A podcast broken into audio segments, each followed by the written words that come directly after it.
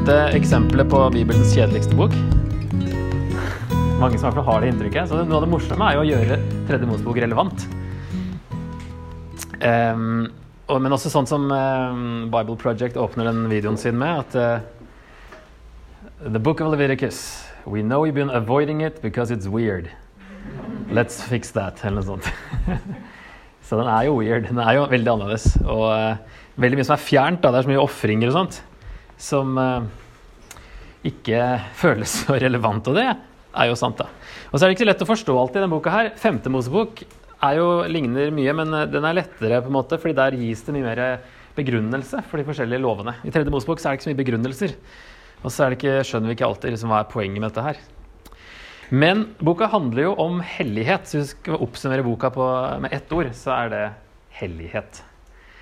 Eh, om Guds hellighet og om våre hellige liv, som dette nøkkelverset sier. da, Dere skal være hellige, for jeg er hellig. Det sier han til israelittene da, og det gjentas i Nytestamentet. Så aller først så tenkte jeg å ta, snakke litt med det den sitter ved siden av uh, lite grann. Hva tenker dere hellige liv betyr? Hva er liksom assosiasjonene til det, eller hva har dere konkret for dere hva det er for noe? Når vi skal leve, være hellige, leve hellige liv. Hva betyr det? Bare rask brainstorming. Uh, jeg har lært en gang at hellig betyr utskilt, eller Ja. uh, ja. Mm. ja. Så uh, så tenker jeg kanskje at det kan bety å leve annerledes, eller ha en annerledes måte. Ja. Absolutt. Ja, det er veldig nyttig å få klarhet i akkurat det der når det gjelder denne boka her òg, og hva det betyr for oss. Eh, For ellers så tenker vi kanskje det betyr eh, syndfri. eh, Leve et hellig liv. Eller i hvert fall det å være hellig er å være syndfri. Så det er ikke helt det det betyr. Men det jo, om det gjelder Gud, så er jo han jo syndfri. Men det skal vi eh, definere litt eh, etterpå. Men jeg syns det er gøy å høre på en som har skrevet en sånn kommentar på Tredje Mosebok, som heter Jay Sklar. Og han skrev en artikkel da, som eh, overskriften var 'Hva skjer når du har studert Tredje Mosebok i ti år?' Hva tror dere skjer når man bruker ti år på Tredje Mosebok? Men det han sier, han har fire punkter. Du lengter etter Guds hellighet oftere, sa han var én ting. Og han fikk studentene sine til å eh, følge lovene i én uke. Og de merka jo at de endte opp med å tenke på renhet og urenhet hele tida. Eh, hele dagen. Og på alle områder av livet. Og så innså de da, de fleste, at Gud bryr seg om det i dag òg. Altså hvordan vi lever på alle områder av livet. Ikke bare da rituelt, som vi kanskje tenker eh, først og fremst denne boka, men moralsk også. Så det var eh, også det at de mange innså at de har tatt altfor lett på dette med hellighet. da, Når de prøvde å leve seg inn i denne boka her. Nummer to var at du frykter Gud mer. Og det er jo sånn, ikke at du er redd for Gud, men en positiv eh, respekt for Gud, som er så hellig. Og dermed elsker du også Jesus mer. Um, fordi du ser også hvordan han oppfylte alle disse ofringene. At uh, hans offer, altså det, hans død, var, um, har mange av de ulike aspektene av de forskjellige ofringene i Tredje Mosebok. Som oppfyller alt dette her. Trekker alle trådene sammen liksom, i, når han dør på korset. Og han sa, han eh, Sklar her, at eh, to år inn i studiene så merka han allerede noe nytt i, eh, når han var i en menighet. At hvis det var en sang som handla om offer eller forsoning, eller at vi er kjøpt fri, så var det så vidt han ikke klarte så vidt han klarte å holde tårene tilbake. For han hadde så mye bakgrunnsstoff fra Tredje Mosebok som bare gjorde det mye større enn det hadde vært før. Da skulle man ikke tro at du får elsker Jesus høyere av å bruke ti år på Tredje Mosebok. Og du elsker det neste mer fullkomment, sa han. Det er jo bare her i Gammeltestamentet det står at du skal elske det neste som deg selv. Så det er jo her Jesus henter det fra. I 1918 i Tredje Mosebok. Så det er hellighet der òg. Det å elske sin neste er en del av det å være eh, hellig, leve et hellig liv. Så det syns jeg er inspirerende å eh, vite det. At hvis vi bare kommer inn i denne boka her og bruker nok tid på den, så kan vi få det her ut av den. Det er en liten overraskelse, tror jeg. Men vi lurer jo på da, hvorfor gir Gud dem alle disse lovene? Det er jo totalt er det vel er det ikke 613 bud eller noe sånt i Moseloven. Ehm, og mange lover som vi ikke forstår, som sagt. Um, og så er vi kanskje tenkt Vi i sånn luthersk, eh, protestantisk tradisjon tenker kanskje at uh, det var bare for å vise dem at de ikke klarte å holde dem. Men uh, det er ikke det. Ikke for å vise at de aldri kommer til å klare å holde budene. Det er ikke for å gjøre det vanskelig å leve rett. Det er jo ikke det at Gud bare er liksom litt sånn skal vi gjøre ting vanskeligere. Eh, fordi Jesus en vakker dag skal komme og rette det opp. Men Gud gir dem alle disse lovene for at de skulle kunne ha en relasjon med Han. Det er jo egentlig måten Det har du sikkert sett på andre Moseboka. Altså måten, kan, eh, måten at Gud kan bo midt iblant dem. Da. I teltet som de lagde i andre Mosebok, er jo eh, Altså, andre Mosebok slutter med at de har satt opp teltet, telthelligdommen, og at Moses ikke kan gå inn fordi Gud har flytta inn. Så slutter liksom den boka med et lite problem. Hva, liksom, hva gjør vi nå? Vi har satt opp, eh, Nå bor Gud her, men vi kan jo ikke gå inn. Og så blar du om, og så får du framgangsmåten, hvordan du kan gå inn. Hvordan du kan ha relasjon med Gud. Så det er jo en gave til dem at de kan det. Og det var ikke bare da å gjøre som du ville, siden Gud var hellig og adskilt fra verden, adskilt fra synd, så måtte de følge visse retningslinjer for at det skulle være mulig å ha Gud boende iblant seg. Og så var det også for å vise dem hvem han er, hans hellighet og karakter, åpenbare mer av seg sjøl, så de kunne bli bedre kjent med han, som de hadde begynt med i andre Mosebok. Så nå får de enda mer info om hvem og hvordan Gud er. For å vise dem hvordan han definerer synd, hvordan han tilgir synd, og hvordan de kan unngå synd. For at de kan ha denne relasjonen med han. Men også for å gi dem et bedre liv her på jorda. Mange av lovene er jo sånn hygienelover som gjør at de eh, får det jo, eh, fikk det jo mye bedre. uten at Gud forklarer hva en bakterie er. Så eh, hvis de fulgte loven, så ville det gå dem bedre. Og de lå dermed langt foran alle andre kulturer på samme tid som eh, ikke hadde fått en så god lov av eh, Gud. Eh, der han også hjelper dem til å leve bedre her. Så tredje Mosebok handler om hvordan syndige mennesker kan nærme seg en hellig Gud. Og det handler om veien til Gud og veien med Gud. Til Gud, altså for å helt tatt nærme seg Gud, og hvordan leve i en relasjon med Gud. Høres jo veldig nytestamentlig ut, dette her. Så det er mange linker. Egentlig denne boka her kjempelett å dra masse koblinger til Nytestamentet. Så det skal vi gjøre underveis. Boka handler om hellighet og om å leve et hellig liv, og dette er jo fortsatt relevant. For eksempel så siterer jo 1. Peter akkurat det verset her. Han som kalte dere, er hellig. Slik skal også dere være hellige i all deres ferd, for det står skrevet, dere skal være hellige, for jeg er hellig. Det er en tidløs sannhet. Og så står det til og med i hebreerbrevet at streb etter helliggjørelse, for uten den skal ingen se Herren. Og det betyr jo ikke at vi ikke kan se Gud uten å være syndfrie i livet vårt her, for det har jo Jesus tatt seg av. Men vi kalles til å vokse i et hellig liv, altså vokse i troen, bli eh, Leve liv som er mer og mer etter Guds vilje. Og hvis eh, vi ikke streber etter det, så vil vi jo egentlig ikke til Gud. Det er kanskje det det verset egentlig sier. Da viser vi at vi egentlig ikke vil være sammen med Gud, som er syndfri. Den boka her er 90% sitater av Gud. Det er vel den boka i Bibelen som har mest sånn direkte tale fra Gud. Så her, Det er ikke så mye historier, men eh, masse instruksjoner. Og settingen, som sagt, er jo da at møteteltet er akkurat eh, Ja, møteteltet er akkurat ferdig, og Gud har tatt bolig der. Og så gir han disse budene mindre enn én måned senere. Fjerde Mosebok begynner en måned senere. Så det her kan jo være ganske kjapt etter at eh, teltet er ferdigbygd. At Gud roper på Moses innenfra helligdommen. Når han har tatt bolig, så roper han på Moses innenfra telthelligdommen. Og de har allerede paktsboken, som det kalles, i 2. Mosebok 24.7, som inneholdt lovene i 2. Mosebok 20-23. De har det i hvert fall. Og så kommer det flere lover her. Så kommer det enda flere i 4. og 5. Mosebok.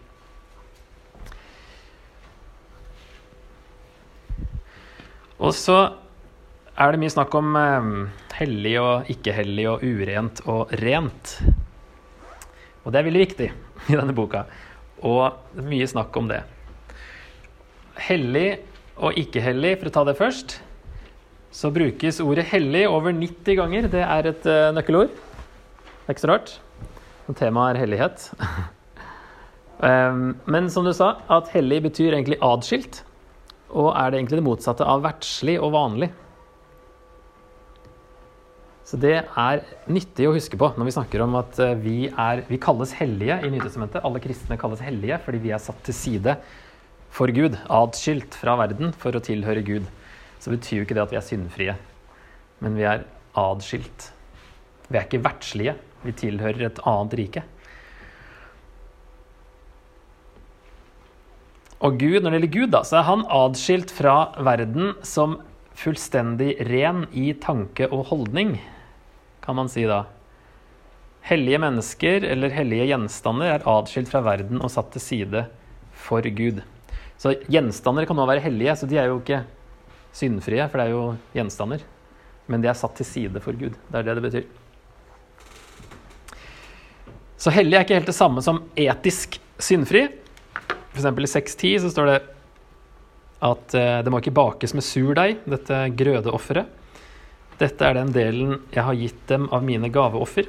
Høyhellig er det. På samme måte som syndoffer og skyldofre. Så der har vi et offer som er veldig hellig. Høyhellig. Ekstra tilsidesatt. Um, for å vise den at det ikke alltid handler om å være syndfri. Folket skal være hellig, blir da Altså Det betyr da at de skal være annerledes, som du nevnte. Annerledes enn andre folkeslag. Det er det de kalles til. Det må være annerledes enn alle andre rundt. Og det kalles vi fortsatt til. Være annerledes enn verden. Så Gud er både hellig og syndfri, men Guds folk kalles hellige, men kalles samtidig til å bli helliggjort. Er adskilt, men kalles til å bli lik Gud. Ok. Rent og urent, da. Det er litt annerledes. Det er noe overlapping. Rent er ikke alltid hellig, men hellig er alltid rent. Så det er noe overlapping, men det er ikke helt det samme. Renhet kan ikke overføres, men urenhet kan. Renhet må man eh, eh utføre ofringer for å, for å få. Um, gjøre soning osv. Mens urenhet er jo noe som eh, sprer seg, eller som overføres. Så også viktig å få med her i denne boka at det er ikke synd å bli uren fra vanlig oppførsel. Altså Det er ting som gjør deg uren, f.eks. Når, har, når kvinner har uh, mensen. Det er ikke så mye man kan gjøre med det, men da blir man uren. Det betyr ikke at det er syndig, men eh, faren er å komme nær helligdommen mens man er uren. Hvis du ikke renser deg, blir det ulydighet. Så derfor er det ikke alltid Det er ikke det samme som, som synd, men seremoniell urenhet, da. Men det har jo med det herre mm, Å få fram det poenget at Gud er hellig og ren og hel og perfekt. Og så er det ting som da i vårt vanlige liv som symboliserer at vi ikke er det. Så må, må man gjøre noen ofringer for det. Vi skal se litt på forslag til hva som definerer rent og urent etterpå, for det er ikke helt eh, enighet om det heller. Men eh, ordet ren Ren brukes om frisk i kapittel 15. Det vil si at uren kunne bety syk. Helhet var rent, og ufullstendighet var urent. Så det spiller nok en liten rolle her, det òg. Ok. Eh, og så brukes det som metafor i eh, Også moral om eh, Altså, ren brukes også moralsk i GT. Rene hender er på en måte et bilde på å ha et rent hjerte. Og i Nytestamentet så står det i Romerne 14 at ingenting er urent i seg selv. Hele skaperverket er blitt, eller er eller blir forløst i Jesus. Han brøt ned gjerdet mellom jøder og hedninger. Det er ikke lenger noen helligdom som må holdes ren. Samme metafor brukes likevel fortsatt. Denne renhet og urenhet og sånt. Selv om det er mye som har endra seg i nye pakt. Men konsekvensene av at uh, disse her skillene med f.eks. Man var altså uren etter sex, men det er også likevel noe som Gud har sagt er noe som er bra, og som er menneskenes oppgave å bli mange. Uh, men så blir man likevel uren, og det kan òg være at Gud gjør det på en sånn måte for at f.eks. da uh, kunne ikke sex- og fruktbarhetsritualer bli en del av tilbedelsen i Moseloven, som var veldig vanlig i de andre. Fordi de to tingene Altså, man ble urent, man kunne ikke blande det. Og det kan være at det er grunnen til at uh, Gud gir noen av de lovene på, som vi ikke helt skjønner hvorfor. Så har han kanskje en hensikt som ikke kommer like tydelig fram, da. Og kontakt med eller tilbedelse av de døde kunne ikke skje siden presten måtte holde seg langt unna de døde. Og da ble man uren. Det er ikke så rart man blir uren av å ta på et lik. Det er uh, fortsatt en god ting å vite om. At det er uh, ikke bra. Um, så da kunne det òg ikke bli en del av tilværelsen. Samtidig som det er hygienisk å uh, ikke ta på døde ting.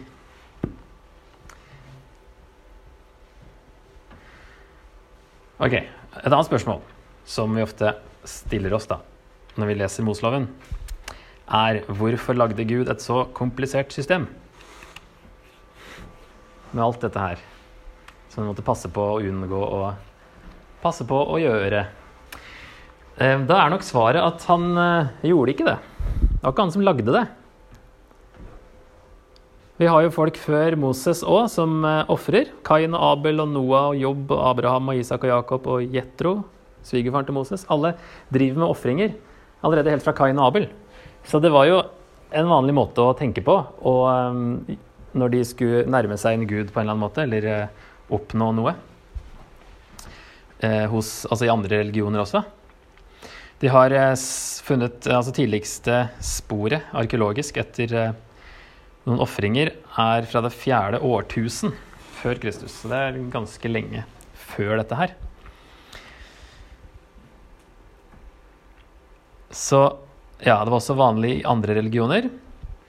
Ting som ritualer, presteskap, hellige fjell, hellige steder, høytider, renselsesriter og omskjærelse. Det var ingenting av det her som Gud fant opp med Mosloven. Han eh, bruker ting som de allerede kjente. Fordi For oss er det veldig merkelig, men det var ikke så merkelig for israelittene eller de første leserne. da, Som for oss. Det var heller logisk. Det var en vanlig måte å komme i kontakt med det guddommelige på.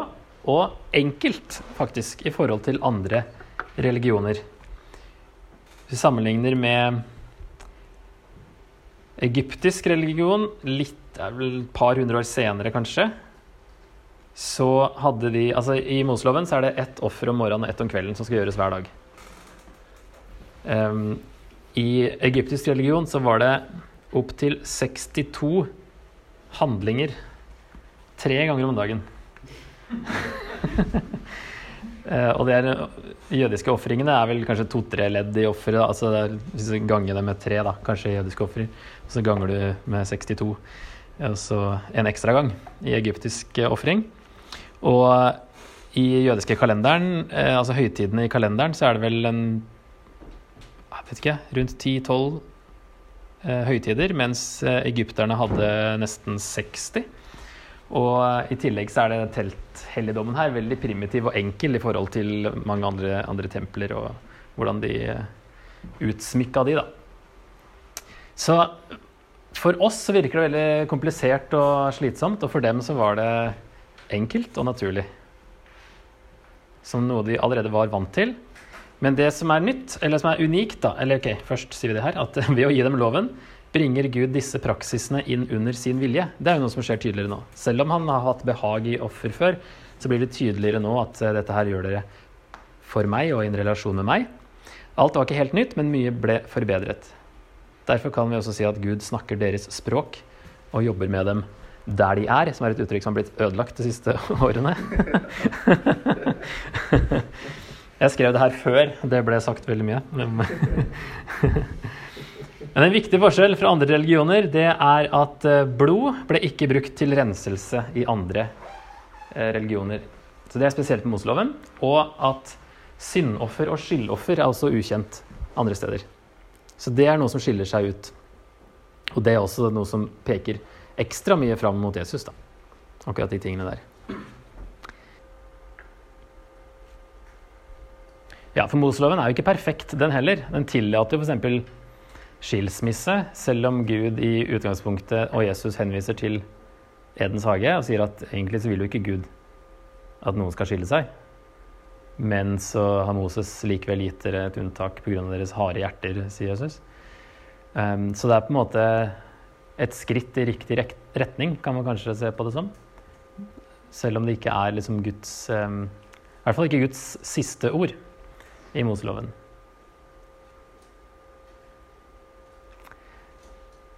Um, men slave, altså slavesynet ble f.eks. mer humant i Moseloven enn noen annen religion og kultur den gangen. Det er uh, egentlig bedre. Slaveriet i Gammeltestamentet er jo bedre enn slaveriet i Romerriket. Og bedre, enda bedre, begge de to er jo bedre enn slaveriet på 1800-tallet. Med Amerika og Afrika på begynnelsen. Så det blir jo nesten bare verre og verre. Så her er det faktisk veldig humant. Første gang de blir sett på som, som eh, mennesker, og som kan bli fri etter seks år. Det er jo et frivillig gjeldsslaveri, egentlig, og det har ikke noe med rase å gjøre, f.eks. Så kan man velge om man vil fortsatt være en slave etter seks år. Ok, Struktur av boka, da. For å få litt norden på ting her, så er det jo sju kapitler først om de ulike ofringene. Så kapittel 8 til 10 handler om prestenes innvielse og de første ofringene deres. Så kapittel 11 til 15 handler om rent og urent. Kapittel 11 er jo det om hvilke dyr som er rene og urene. Og kapittel 16 om den store forsoningsdagen. Det er jo et veldig viktig kapittel her, og det er også sentrum i boka. Og så siste delen etter kapittel 16, da, fra 17 til 27, kan vi kalle for hellighet i hverdagen. Det det har eh, fått liksom eh, merkelappen 'Hellighetsloven'. Det står i hvert fall som overskrift her òg. Så det, sånn, det handler om hellighet på veldig mange dagligdagse måter, da.